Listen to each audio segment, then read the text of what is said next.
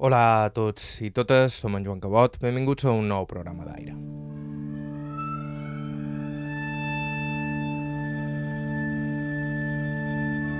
El protagonista del programa d'avui ha estat, amb la discreció que el caracteritza, un dels puntals de la cultura ibisenca dels darrers 50 anys. President de l'Institut d'Estudis Eivissencs durant dues dècades i director del Col·legi Públic Sabodega, va impulsar el català com a llengua vehicular, Maria Serra es va criar a la barberia de son pare, escoltant les tertúlies d'uns clients que ben bé podrien ser personatges del quartet de l'Alexandria de Lawrence Darrell. I també d'aquells pagesos que baixaven a vila cada dissabte per vendre al mercat i que eren els darrers baluars d'un món que s'esveïa i del que ell en volia conservar la memòria. La seva història és la d'una Eivissa prèvia al turisme que ja era port de la gent més diversa i punt de trobada de dos mons que estaven a punt de mesclar-se i diluir-se l'un en l'altre per sempre més. Avui escoltarem aquesta història. Això és Aire a IB3 Ràdio, us parla Joan Cabot. Començam.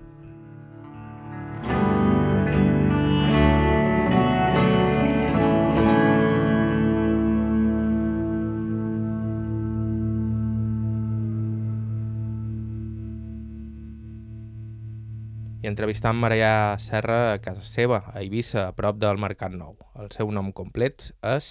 El meu nom complet és Mariano Serra Planells.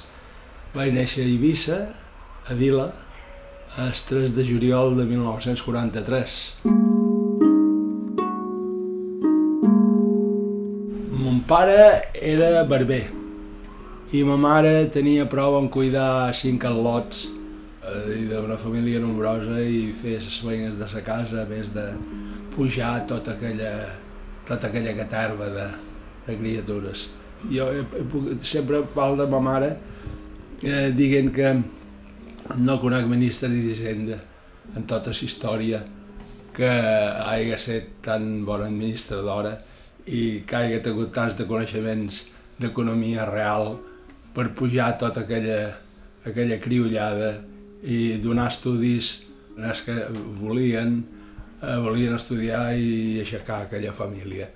Eh, mon pare feia la feina, ma mare administrava i realment era eh, allò quan uno recorda eh, pensa i com ho podien fer, que ella ho feien. A Maria Serra no només el varen marcar els estudis que li varen procurar els seus pares, també l'ambient que es respirava a la barberia de son pare, que no sols era un lloc on arreglar-se els cabells i la barba, també un punt de reunió i tertúlia. El barber era, efectivament, un dels oficis eh, senzills, humils, però dins els barbers hi havia, hi havia certes categories, com en tot.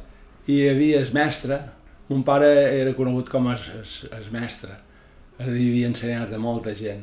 Havia, vist, havia anat a Cuba, havia, eh, tenia món, havia vist altres, altres, coses, i va aprendre molta, molta jovenà i que va aprendre l'ofici d'ell i el recordaven com es, el tenien com a mestre.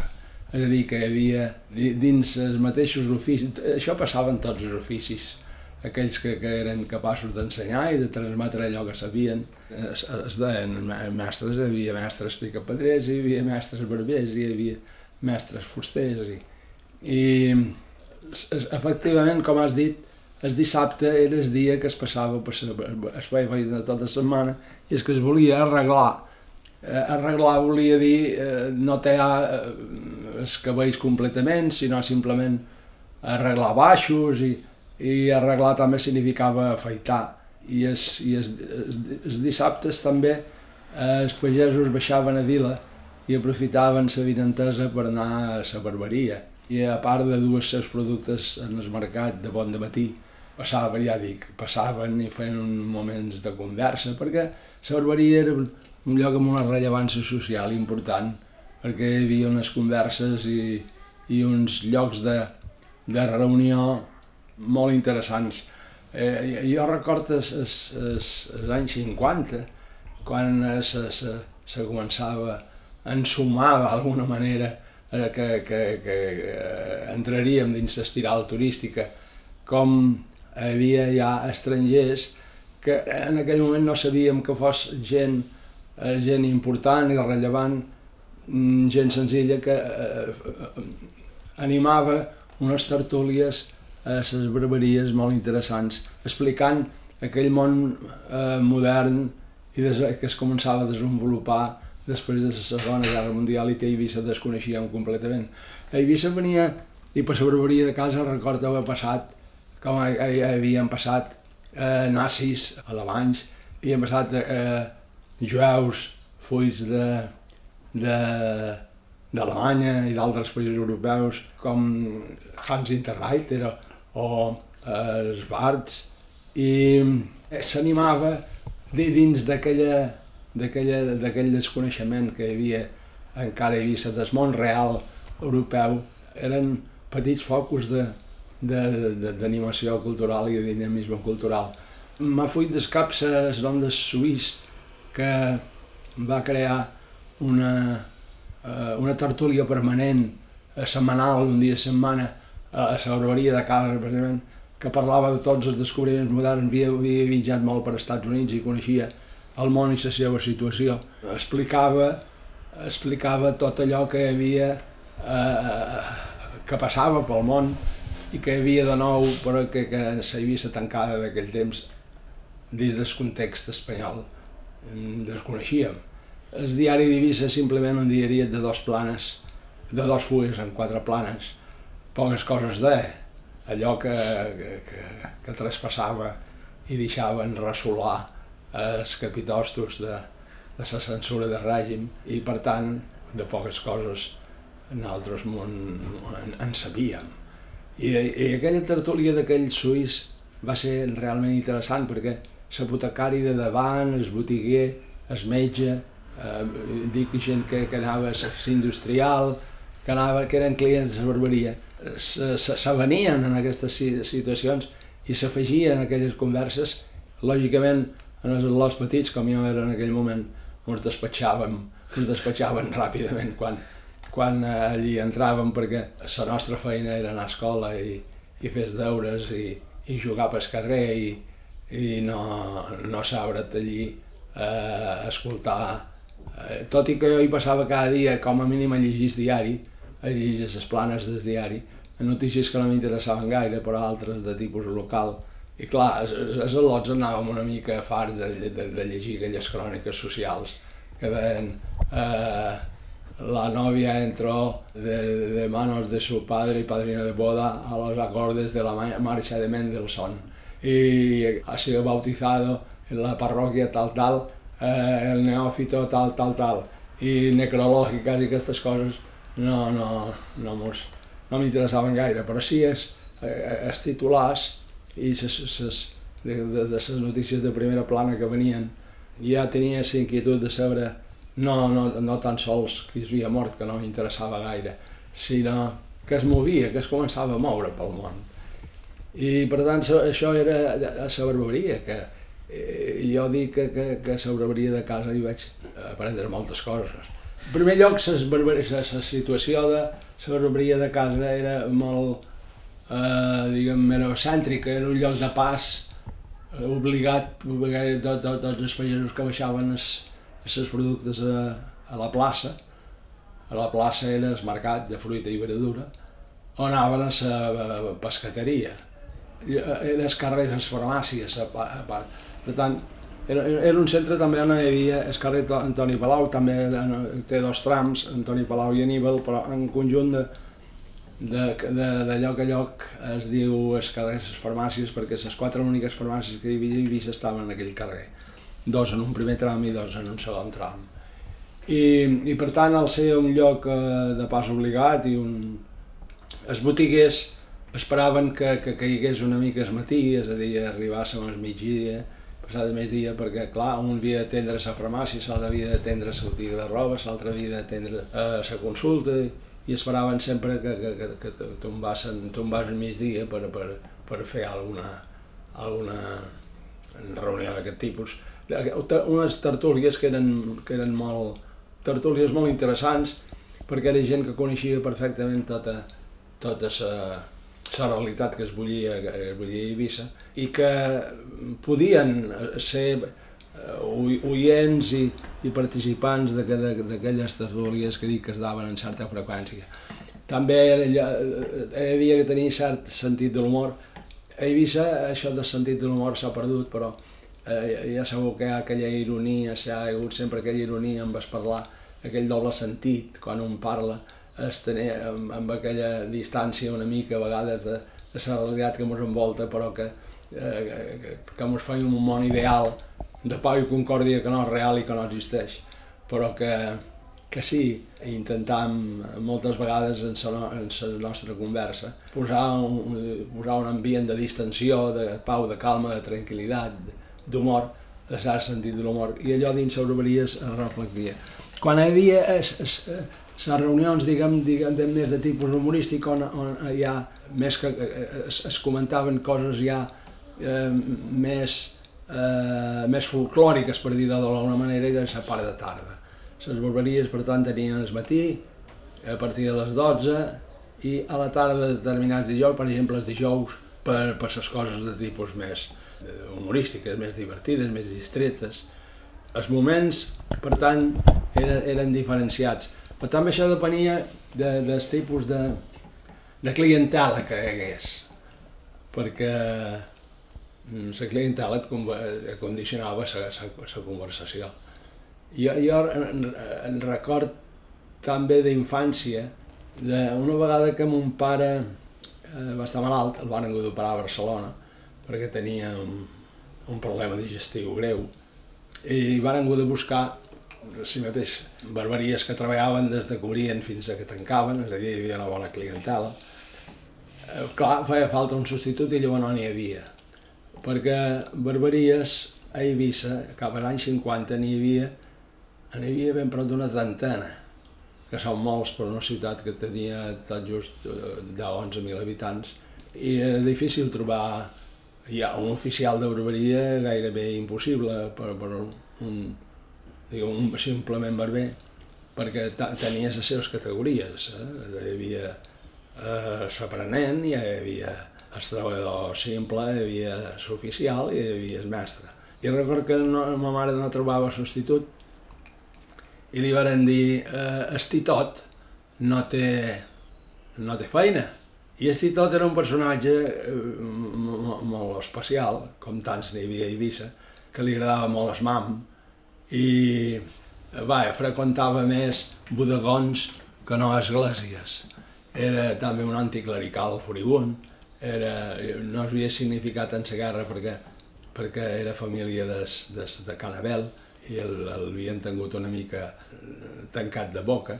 I ma mare contra cor va dir si no troba ningú ho vestit tot, però demanant-li que, no, que no mami, perquè si imagina posar una, una navaja en el coll una persona que se seu a sa, a sa, en, es, en es, el que dèiem, el cadiró, es, es, allò li deien els castellins el sillon, i eh, li va dir, li va dir es, eh, Pepito, es deia Pe, Pepito Ros, i, eh, però en la condició que no has de veure. I el van contractar mentre mon pare era a Barcelona. I aquella tertúlia de gent que freqüentava cada dia obria que mantenien, sa, mantenien ses converses habituals, va dir, jo un lot petit de mare dir, escolta, quan tu te'n vaigues, perquè jo li havia dut dinar amb un sonor, ma mare que posava el dinar, li deixava aquí, Pepito, me li tenga. Quan te'n vaigues, digue-li, Titot, ets un frare, ets un carmelita, ets un descalç, frerutxo. I jo, carai, no, no sé si dir-li. I, i, i, quan, I quan li vaig ja sanar, li Pepito, ets un frerutxo, eh, ets un carmelita. I va mullar les ferramentes, les ferramentes i em va encalçar. I jo, que m'atesvalgueu-me, vaig començar a córrer cap a casa, pensar si m'agafa, em fotrà una estirada d'orelles, però i, i perquè s'ha molestat tant aquest home. I deia, que em digues cabró, que em digues fill de puta bé, o que em digues carmelita, o que em digues descalç, o que em digues capellanot, això ja no això no t'ho perdona tu ni ningú carai, els la vaig passar eh, fotudes, eh, perquè si ens riu agafant més, més eh, espanyat a l'honorer.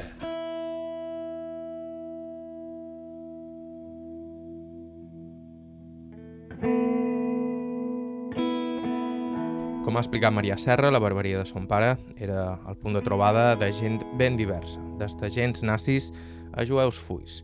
Però també era el lloc on es reunia cada dissabte una pagesia senzilla que baixava un cop a la setmana a Vila a fer negocis. A Eivissa, la cultura de la gent del camp eh, era, era d'un món ple de tradicions, molt tancat, però que a Vila era, era molt acceptat.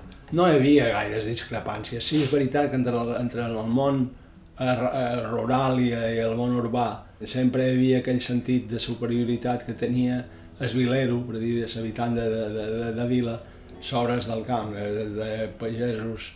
Es, es, la paraula pagesos podia tenir unes connotacions negatives en el sentit cultural, en el sentit social, però això no, no, no era tothom. Es, les primeres de Divisa, el Bati i la Sierra ja, ja, ja se'n va adonar, quan tot just arribava a veure es, es, es, que, que el món del camp i el, el món de, de, de, de la marineria i de, i de, i de, de la pesca eh, eren molt diferents. Els pagesos eh, era, era gent que culturalment ocupava l'escaló més baix però hem de pensar que llavors hi havia poques escoles i les poques que hi havia estaven molt distants. Anar a escola per un, per un infant del camp li podia suposar caminar per arribar a l'escola dues i tres hores.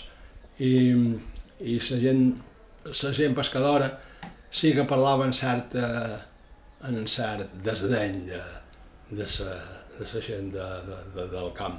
Allí on, on se, hi havia llocs on s'evidenciava molt, per exemple, en cines, per exemple, en, en els espectacles públics. Quan a una escola de vila arribava un lot del camp, que se li deia de fora, vila i fora, eh, ja, hi havia certes reticències, certs sarcasmes i, i a vegades els lots de fora pues, es feien valer esvergant alguna, algun cop de puny eh, fent valer la seva superioritat física i que jo som pagès però, però no bambo.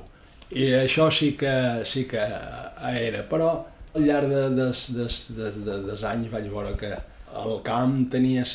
M'agradava molt anar al camp i poder parlar amb la gent d'edat i unes converses realment en aquell moment serien excepcionals d'aquells pagesos que havien estat a Cuba, que havien, estat, que havien anat a Amèrica, havien anat a l'Uruguai, havien anat a l'Argentina, que havien treballat havíem viscut, i ja havíem viscut altres mons, altres cultures, altres maneres de, de ser, de viure i de sentir i de pensar i, i això era Eivissa també. Mon pare parlava, per exemple, mon pare parlava molt poc de, de les seves estades a, a Cuba i és que segurament no havien tingut gaire èxit econòmic i havien tornat amb una mà davant i l'altra darrere com, com, com tanta gent i no havien, econòmicament no havien progressat gaire. I, i, i em, em contava una cosa curiosa, una cosa curiosa que és que eh, els establiments a Cuba eren grans, eren grossos, que deien a Eivissa. I així una barberia, no, no, no es trobava una barberia com a Eivissa de, de, de, de, de, de, de dos oficials, o l'amo i l'oficial. Les barberies eren de 12 i 14 seients, i van, eh, després de treballar pel bisbe i seminari de, de, de, de l'Havana, els va contractar un germà, un germà, mon pare i mon pare, eh, els va contractar un alemany. I aquest alemany tenia ses, ses, totes les eh, seients, ja sé que li deien eh, grans d'aquella manera, amb aquella manivela per, per baixar i pujar, i, i, i tenia el costum de posar-se a la porta i mirar de perfil totes les eh, seients com treballaven i, els, i, i els, els, seus treballadors, com feien feina. I un dia pa, es va seure un, eh, li tocava a, ell i el va arreglar a mon pare, el va fer seure, li va posar el pentinador, posar el barber que feia posar el pentinador, i llavors tancar per, no, per evitar els cabells, i de repent aquell, aquell alemany va saltar i li va dir, este fuera, este no lo arreglas. Y un pare li va dir, ¿por qué? Y porque este es judío. Y un pare va quedar de pedra, i diu, bueno, i a mi què? No, este judío, fuera. És a dir, que aquest era un nazi, ja estic parlant de l'any 20, i es veu que era un nazi que els feia posar, eh, els feia posar en, en, eh, ho tenia en fila, i per fil o per allò que fos, ell els, els feia una, una, una tria, un triatge. I va ser el primer cas de, de racisme o de... bueno, el racisme a Cuba n'hi havia paperrots de pell i altres, però de, de, de, de, de racisme nazi que, que, que, que llavors Europa als anys 30 va, va triomfar. I ho deia mon pare, eh, perquè en altres he vist que, que, que, que carai sabien de nazis ni, ni de no nazis. I curiosament, quan li parlaven de nazis, es, mon pare, que era molt prudent i molt discret, de, sí, un, un tal li ha arreglat un parell de vegades, no te fon Escòrseni, i tal, i, i, i tal altre eh, ha arreglat, eh, eh, li, perquè ell es deia arreglar, t'ha arreglat, eh? eh? ha arreglat tant, eh, altres vegades, però clar, venen, jo que sé si són nazis, han de ser nazis, són clients, perquè jo són clients, s'asseuen, demanen que els hi tallis que que els afaiti, faig ja feina i se'n van i se'n tornen. Però aqu tots aquests personatges dels anys 50, entre els anys 50 i 70, eh, eren abundants a Eivissa, passaven desapercebuts. I per, clar, passaven per les barberies, passaven per les botigues de que viure, i per les farmàcies, i passaven per tota tipus de botiga, però passaven sense que eh, la gent se n'adonés i ara és quan, quan jo a vegades repassant fotos dic, ah, fotre, i aquest, i, aquest, i aquest és un personatge, és un personatge d'aquells, un, un alemany, un pintor, una característica, hi va haver un, un, un arquitecte alemany exiliat que va deixar d'anar a la barberia, no, no ho va saber mon pare després, perquè hi entraven nazis i ell que era fuit jueu, fuit d'Alemanya, no es volia seure jo no hi havia hagut aquella... I llavors, bueno, aquestes coses s'arreglaven i se li deien, mira, vine tal, tal, tal, tal dia, tal hora, que és quan no, aquesta gent no sol venir. Bueno, anècdotes d'aquestes, però a Eivissa eh, estàvem eh, en la més absoluta innocència amb aquest, amb aquest aspecte. Hi havia qui no, eh? Hi havia qui ja sabia, qui sabia i, i quins beneficis havia tret de, de la seva col·laboració en la Segona Guerra Mundial i abans en la Guerra Civil Espanyola que havia tingut contacte amb aquell i amb aquell i amb aquell i per tant a l'hora d'adjudicar adjudicar concessions eh, de tipus estatal o eh, crèdits eh, hipotecaris o eh, crèdits hotelers eh, ja ho sabien en qui havien tractat i en qui no perquè eren els primers que rebien els favors de l'Estat. Eh, així igual a Eivissa tampoc sabíem on, on era el centre de poder. A vegades eh, el bisbe, el bisbe Frit, el bisbe Cardona, deien l'alcalde d'Eivissa, César Pujeta, deien, llavors quan va, va haver-hi el delegat de govern, però, eh, però això no era així, eh, ni estava l'alcaldia, ni el bisbat, ni, ni, ni la delegació de govern, l'autèntic poder estava eh, a la seu de sindicats del Teatre Pereira.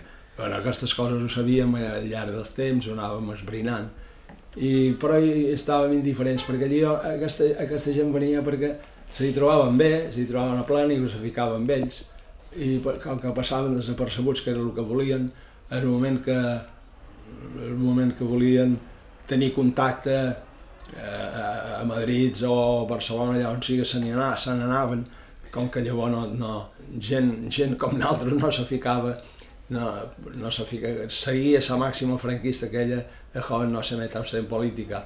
I ho seguíem, les nostres preocupacions anaven per, per una altra banda i així com anava desenvolupant-se el món turístic també anàvem desenvolupant-nos el moment de tenir contacte a Barcelona, a Palma. I a poc a poc el compromís polític i cultural va anar sorgint d'una forma espontània i marcaria les passes de Maria Serra durant les pròximes dècades. En uns segons en parlam. Estau escoltant Aire a IB3 Ràdio, fem una breu pausa i continuem.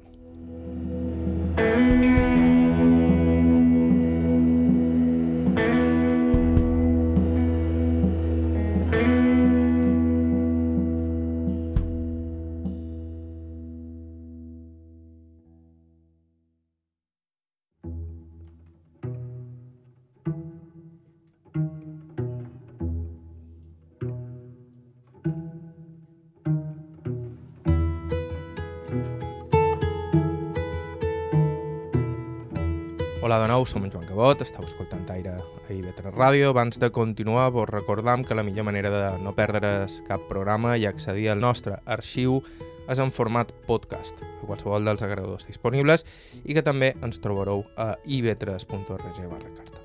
El protagonista del programa d'avui, Marià Serra, va néixer a Vila el 1943, fill de barber i enamorat de les tertúlies de la pagesia de la seva adolescència un idíl·li que no es va desfer mai encara que els seus estudis l'encaminessin de cap a la feina. Eh, jo vaig començar estudiant, acabat de batxiller superior, vaig fer mestre a Palma, però no vaig estar a Palma, vaig ser d'aquells lliures. I treballava a Eivissa, treballava a Vila i anava a examinar a Palma, vaig fer mestre. Jo vaig fer professor d'ensenyament secundari, això ja va ser a Madrid, i dos anys després perquè ja tenia, tenia estudis iniciats i després vaig anar fent, vaig anar fent altres, altres coses. A Eivissa, a més, hi havia una escola graduada i llavors hi havia unes unitàries escampades, que se començava l'aprenentatge, diguem, el procés d'aprenentatge es començava en sa, el que avui en dia se, se li nomen guarderies, que eren, eh, eren osculetes, que, era, que es deien eh, costures, i a costura eh, i eh, tal vegada aprenies les primeres lletres. Passaves a infantil, educació infantil, que se li deien, se li deien llavors pàrvulos, i esparvulari, i, i, eh, i d'esparvulari, que, que n'hi havia més un, una a l'escola graduada, llavors ja passaves a l'ensenyament primari. I de l'ensenyament primari eh, n'hi havia que seguien eh, obtenien el certificat d'estudis primaris o no, o el certificat escolar, i els altres que volien seguir estudiant ingressaven a l'institut d'ensenyament de, de, de, secundari. Aquest ensenyament, aquest ensenyament secundari, llavors, quan el finalitzaves, eh, hi havia batxiller elemental i batxiller superior, eh, batxiller elemental fins a quart, superior a sisè, llavors hi havia un pont universitari i ingressaves o a la universitat. Estudis de tipus mitjà que necessitaven simplement, hi havia uns que necessitaven simplement eh, batxiller elemental, altres necessitaven superior, i, i a casa eh, tenien clar que, que tots els que poguessin i tinguessin capacitat i voluntat havien d'estudiar, ajudant-se i treballant-se, clar, perquè una família de set, amb els guanys eh, minvats, tan, tan minvats que eren, hi havia en aquell temps, eh, la gent es havia de, de, de deixar-hi, espavilar, no n'hi havia cap bambu en, en, en, en, en, en, aquest, en aquest aspecte. I sortir fora era una, una aventura. Normalment les al·lotes no sortien i es, es, sortien més bé els mascles. I amb això sí que hi havia un, un classe, un, una diferència grossa. Les oportunitats no eren iguals, ni per uns ni per altres.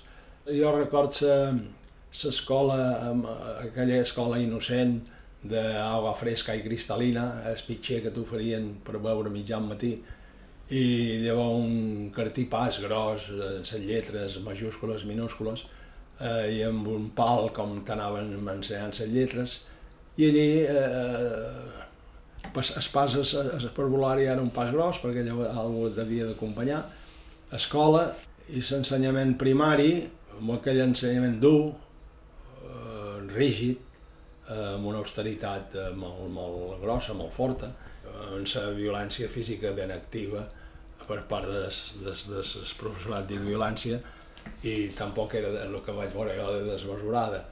Sí, és veritat que rebies alguna derrotada, jo he comptat que eh, els al·lots també eren entramaliats i, i em feia ah, més d'un mal fet i rebies un càstig corresponent. Ho dic perquè fent tercer o quart de, de batxiller, eh, a alguns se'ls va acudir, com que les escoles estaven dalt vila, eh, de, des de dalt vila, eh, des d'aquest lloc prominent, eh, es domina la gent que es mou pel barri de la Penya i de la Marina, i entre, entre les lluites i les desavinances que hi havia entre infants, algun, algun va, ei, mira't aquell, mira't aquell, aquell cabronat que, que, que, que m'estira les orelles o que em sona quan, quan, quan em trobo pel carrer cosa que es dava. Ara des d'aquí dalt eh, eh, li fotré alguna pedrada i clar, s'engrescaven en tirar pedres amb algú que, que, que ho tenia difícil per defensar-se. i eh, rebien les taulades d'aquelles casetes de, de, de la penya. I mos va avisar la policia municipal i eh, va una ratllada d'infants i van passar per, van passar per, per l'oficina de, de pago. L'oficina de pago era eh, el mestre del bastó. I així en filera, eh, que eres tu? Eres tu a, a la feta d'ahir? No, don Joan i rebies una garrotada, aido per no ser-hi. El segon de... I ois, que eres tu? Sí, sí, vaig ser. I do per ser-hi, i et fotia garrotada que et deixava enllumat. El tercer ja no sabia què dir. Per tant, tu ni eres o no eres? No ho sé, i do per no saber-ho. Bueno, no te'n lliuraves d'aquestes coses, són anecdòtiques, però eren coses que, que, que hem viscut en la nostra infància que va ser feliç, perquè es, es jugaven enmig del carrer, eh, no hi havia diferenciacions socials de cap tipus, la llengua eh, era, era, era parlar amb Eivissang i el que no en sabia que venia de fora, si no en sabia i n'aprenia poc es feia fotre, i, i no podia jugar, per tant havia d'aprendre la força.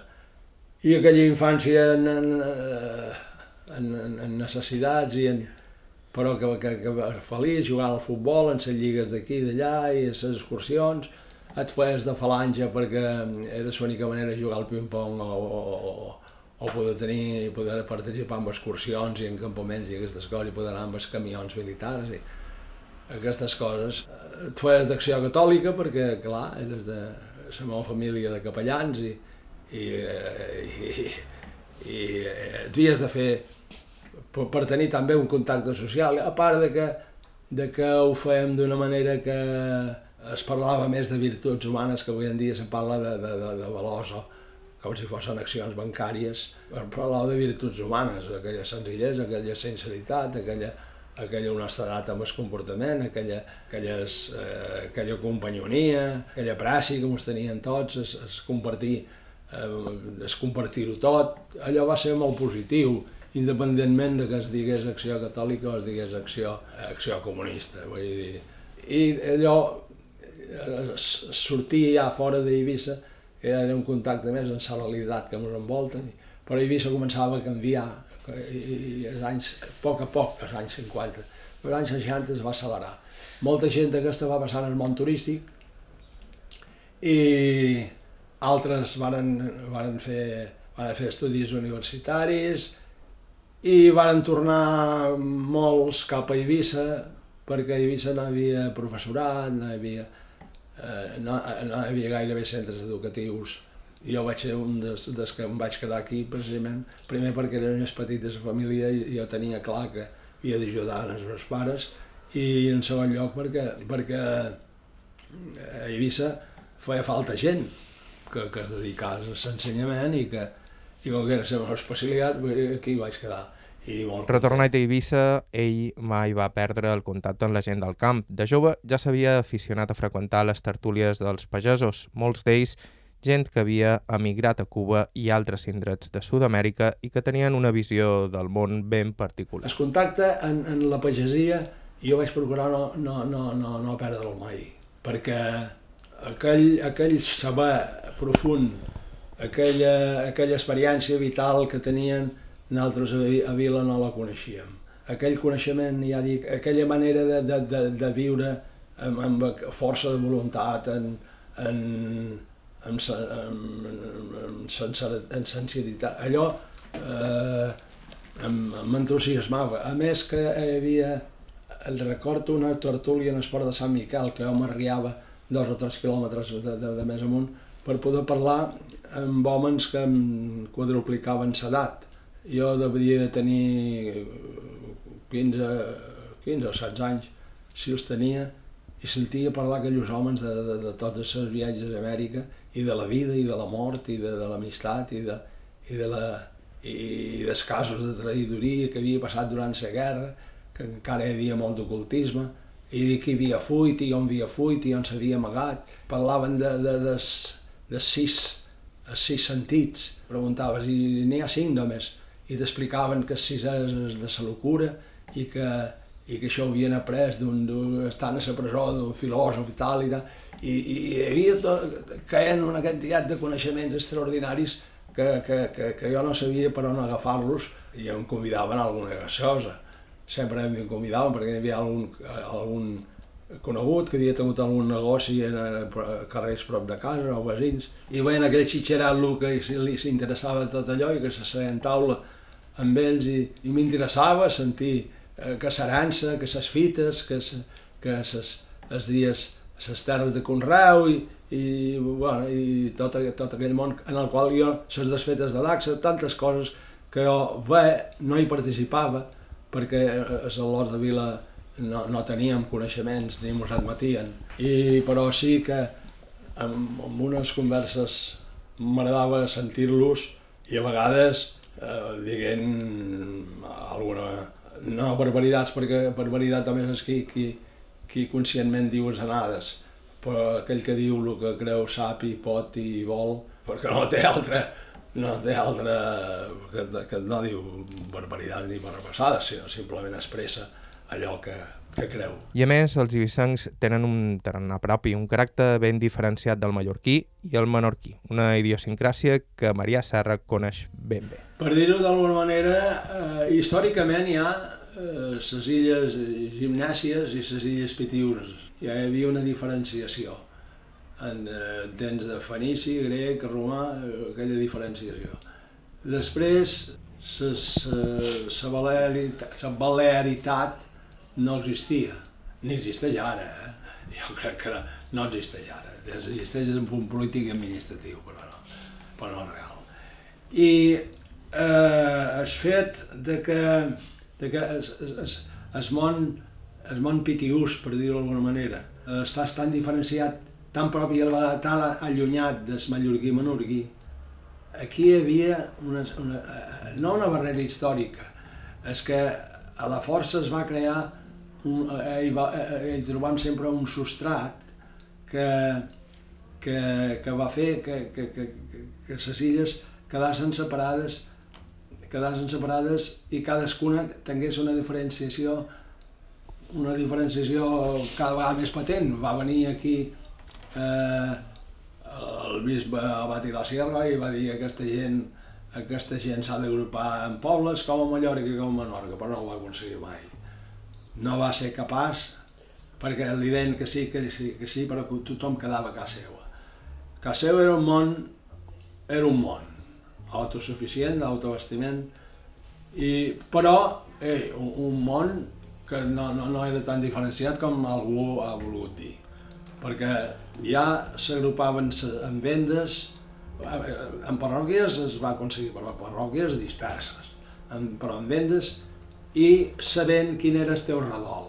A Eivissa tots els pagesos sabien i saben quin és el seu redol. Ara s'ha perdut aquest sentit de pertinença. Però això es mostrava que en temps de cuida, quan hi havia algú de redol de la venda, que per raons de malaltia, per raons eh, que, que fos, familiars, socials, econòmiques, necessitava eh, segar i no podien, que dir, desfeta de daxa, sembrar, cuir, regar, eh, aquestes coses ja no es podien, es, eh, el sentit de la solidaritat era molt fort a Eivissa i per tant es anava i s'ajudava. A l'església, els mossenyes de totes les parròquies sempre els diumenges anunciaven que la gent necessitada i aquí es podia ajudar i aquí s'havia d'acudir a ajudar. Els ajuntaments, també vull dir que eh, eh, eh, a vegades hi ha molta mitologia amb això de que, de que Sant Vicent tenia, tenia una independència total i absoluta el sentit de pertinença és molt fort. Clar, a Eivissa, si parles, diu, diran en sol meu. Eh? En sol meu. Això ho ha fet en sol meu. En sol meu ho diu, ho ha fet dins del meu, del meu terreny. Tothom és molt gelós del seu terreny, això sí, és molt eivissenc. Les coses arregleu-les com vulgueu, però a, a mi no em toqueu. Això com estic. Això sí que és, sí que és veritat. I com que la capital administrativa era Palma i, i eh, eh, les decisions polítiques s'agafaven des de Palma i el repartiment de via diputació de, de, de, les entitats que es feia des de Palma, hi havia aquest sentit de greuge que creava una barrera, a part de que eh, un culturalment era molt diferent. Eh, Palma era un nucli cultural molt important i a Eivissa no n'hi havia de nucli cultural. A Eivissa hi havia una modèstia, una modèstia molt forta de, de professionals liberals i de, de sentit cultural. Diu, sí que hi havia coses, tots aquests anys, parant l'orella les tertúlies i de curiositat pel caràcter ibisenc, varen ser de gran ajuda en la següent etapa de la vida de Maria Serra, quan va entrar a formar part de l'Institut d'Estudis Ibisencs, una institució que acabaria presidint durant 20 anys. Una tasca que va compaginar amb la seva feina de professor i director del Col·legi Públic Sa Bodega de Vic. Si no aprofites sabent entesa del moment que vius i de les persones que pots extreure informació, a Eivissa eh, s'han perdut fonts d'informació extraordinàries. Has hagut d'aprofitar moltíssim i buscar recursos que si no en tenies per, per eh, evitar que aquest, que, que aquest món se'n vagi. I aquest món se n'ha anat i ens ha fuit i ens ha deixat i l'hem deixat anar. Però, clar, sempre, sempre posam excuses. La primera excusa és que la gent, el primer que ha de fer eh, allò de primos vivere, de filosofare, és, és, és ben cert. Has de viure i tens una família i tens uns infants i tens unes obligacions i una feina, un horari i tens unes possibilitats eh, bueno, tens unes possibilitats culturals i econòmiques i, i, i deixes del teu temps que diríem lliure el dediques a l'institut, a l'entitat o eh, dic institut com pot ser una altra cosa, ja sigui una entitat ecològica, ja sigui una entitat cultural, eh, els deixes i els, eh, els, eh, els marces mm, voluntàriament i en gust. Però, i llavors, per això d'imprimir les obligacions i després les devocions. A part de que eh, eh, el món cultural a Eivissa era molt dispers i molt desconegut fa falta sempre l'homogeneïtat i fa falta sempre es tenir capacitat per recollir, per, per sistematitzar i per, i per guardar i, eh, tot aquest món que ens envolta. Avui en dia hi ha molts mitjans elevats, llavors n'hi havia molt pocs, hi havia bolis, paper i poca cosa més, un, un magnetòfon i, i síntesi. Però la feina era recollir el que ja havia fet i sempre sota el mestratge de Marià Virangome, de Joan Maria Cardona, les dues figures capdals de la cultura ibicenca del segle XX, recollir i recopilar, guardar, donar a conèixer les feines, feines disperses. I amb aquests dos tòtems de la cultura ibicenca va treballar colze a colze durant uns anys. Uh, en Don Joan Maria més que Marià Virangome, perquè Marià Virangome sí una, una relació gràndida perquè va ser, va ser realment uh, la paret mestra de, de, de l'institut va ser la persona que ens va dar a conèixer l'existència de l'institut, aleshores Institut d'Estudis Ibicencos, i iniciar les publicacions i pagar de la seva butxaca moltes publicacions. Des de, sa, des de silenci, perquè era molt prudent, animar eh, amb el seu exemple i el seu criteri, donar prestigi eh, a, una, a una entitat que naixia. Tot jo naixia perquè havia tingut vida legal però vida legal oficial eh, en èpoques de, de, de pura de dictadura franquista i que i amb sempre la tutela de, de, de, de, de governador civil i alcaldes i històries d'aquestes. I per tant Marià Villagòmez en la la seva producció literària va ser s'ànima. I don Joan, perquè des del món eclesiàstic i del món cultural va, va ser la persona que, que va lligar aquest món tan ric de les parròquies d'Eivissa, de la diòcesi, en, en els nuclis urbans, diguem. Ell va ser que va, va, va, es va posar a treballar en els arxius diocesans, en aquest cas, i que, que ha estat la font més important de, de, de, de documentació que ha hagut. I amb una amb un, amb, amb un mètode i una eh, era una persona realment perquè des, de, des d'un silenci eh, calma, tranquil·litat feina, rigor va, va ser capaç de, de portar endavant una obra que, que, és, que, és, que, que és extraordinària, perquè el que va fer don Joan Marí i va publicar i va, li han de dar un vol, el valor que té, que, que, és, que és extraordinària.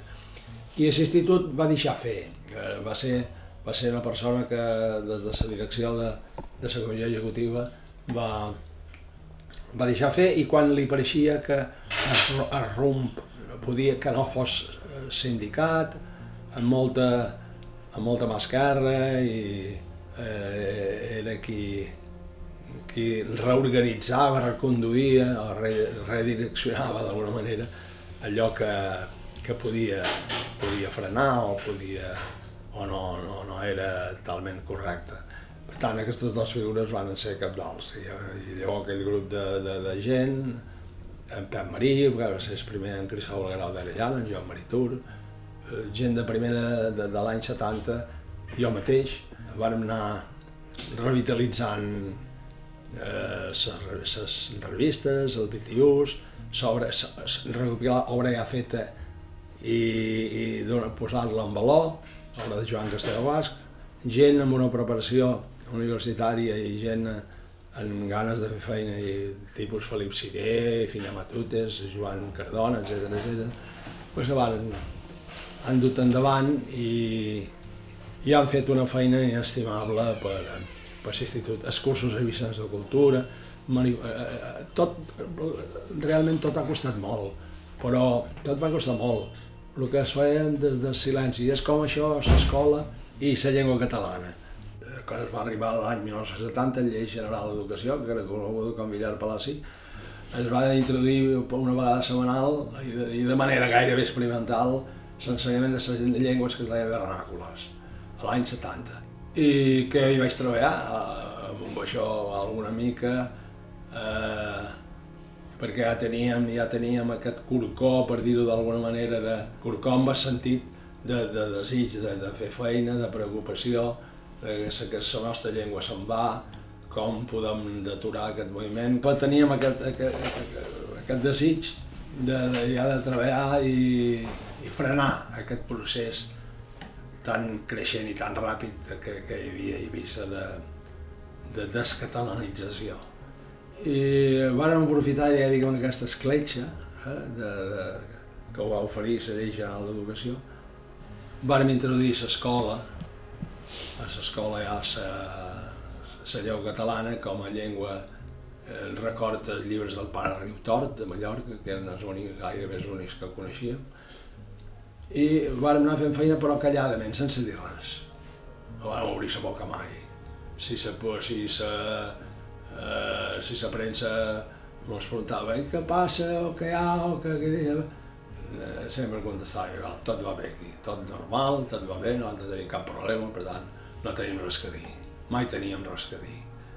I, i amb aquesta política de silenci, però de feina activa, eh, punyint primer les socials, llavors les naturals, eh, llavors eh, ja parlar de, ensenyament normatiu de la llengua, eh, currículums, mm, llengua ja vehicular sense fer-ho però sense dir-ho, i vàrem aconseguir, es va arribar al 1986 en què es varen legalitzar aquestes coses, nosaltres no és que, eh, no ho varen legalitzar, que ja feia temps que ho fèiem, i havíem callat i no havíem dit res.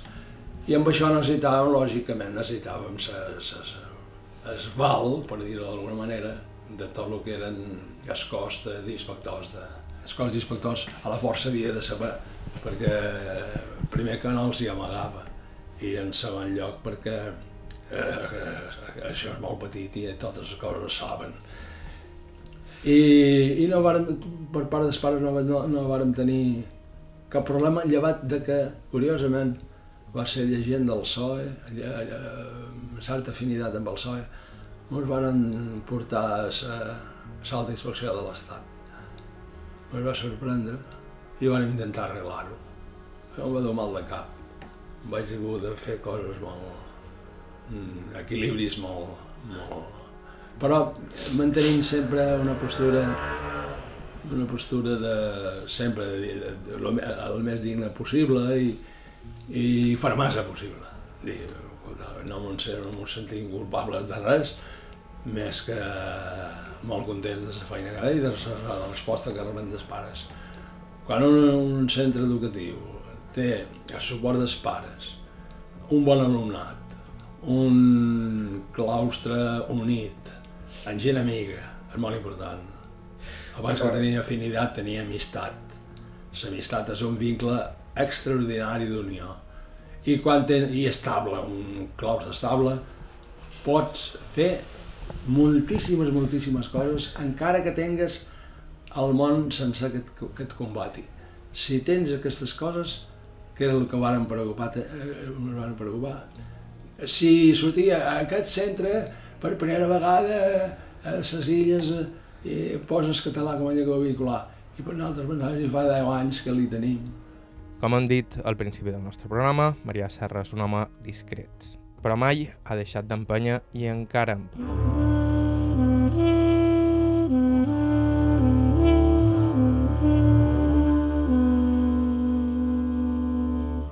I fins aquí el programa d'avui. Moltíssimes gràcies a Marià Serra pel seu temps i amabilitat i moltíssimes gràcies també a Toni Manonelles, que va ser qui ens va donar la idea d'entrevistar-lo. Si ens voleu fer alguna proposta o comentari, ens podeu escriure a aire.ivetresradio.com aire.ivetresradio.com Us recordam així mateix que vos podeu subscriure al podcast d'Aire a qualsevol dels agregadors disponibles i que a ib3.org barra carta hi trobareu tot l'arxiu del programa. La música que hem fet servir avui ha estat de Marisa Anderson, Joshua Abrams, Jaume Tugores i Charles Rumbach. Bàrbara Ferrer a la producció executiva, vos ha parlat Joan Cabot, gràcies per ser a l'altre costat i fins la setmana que ve.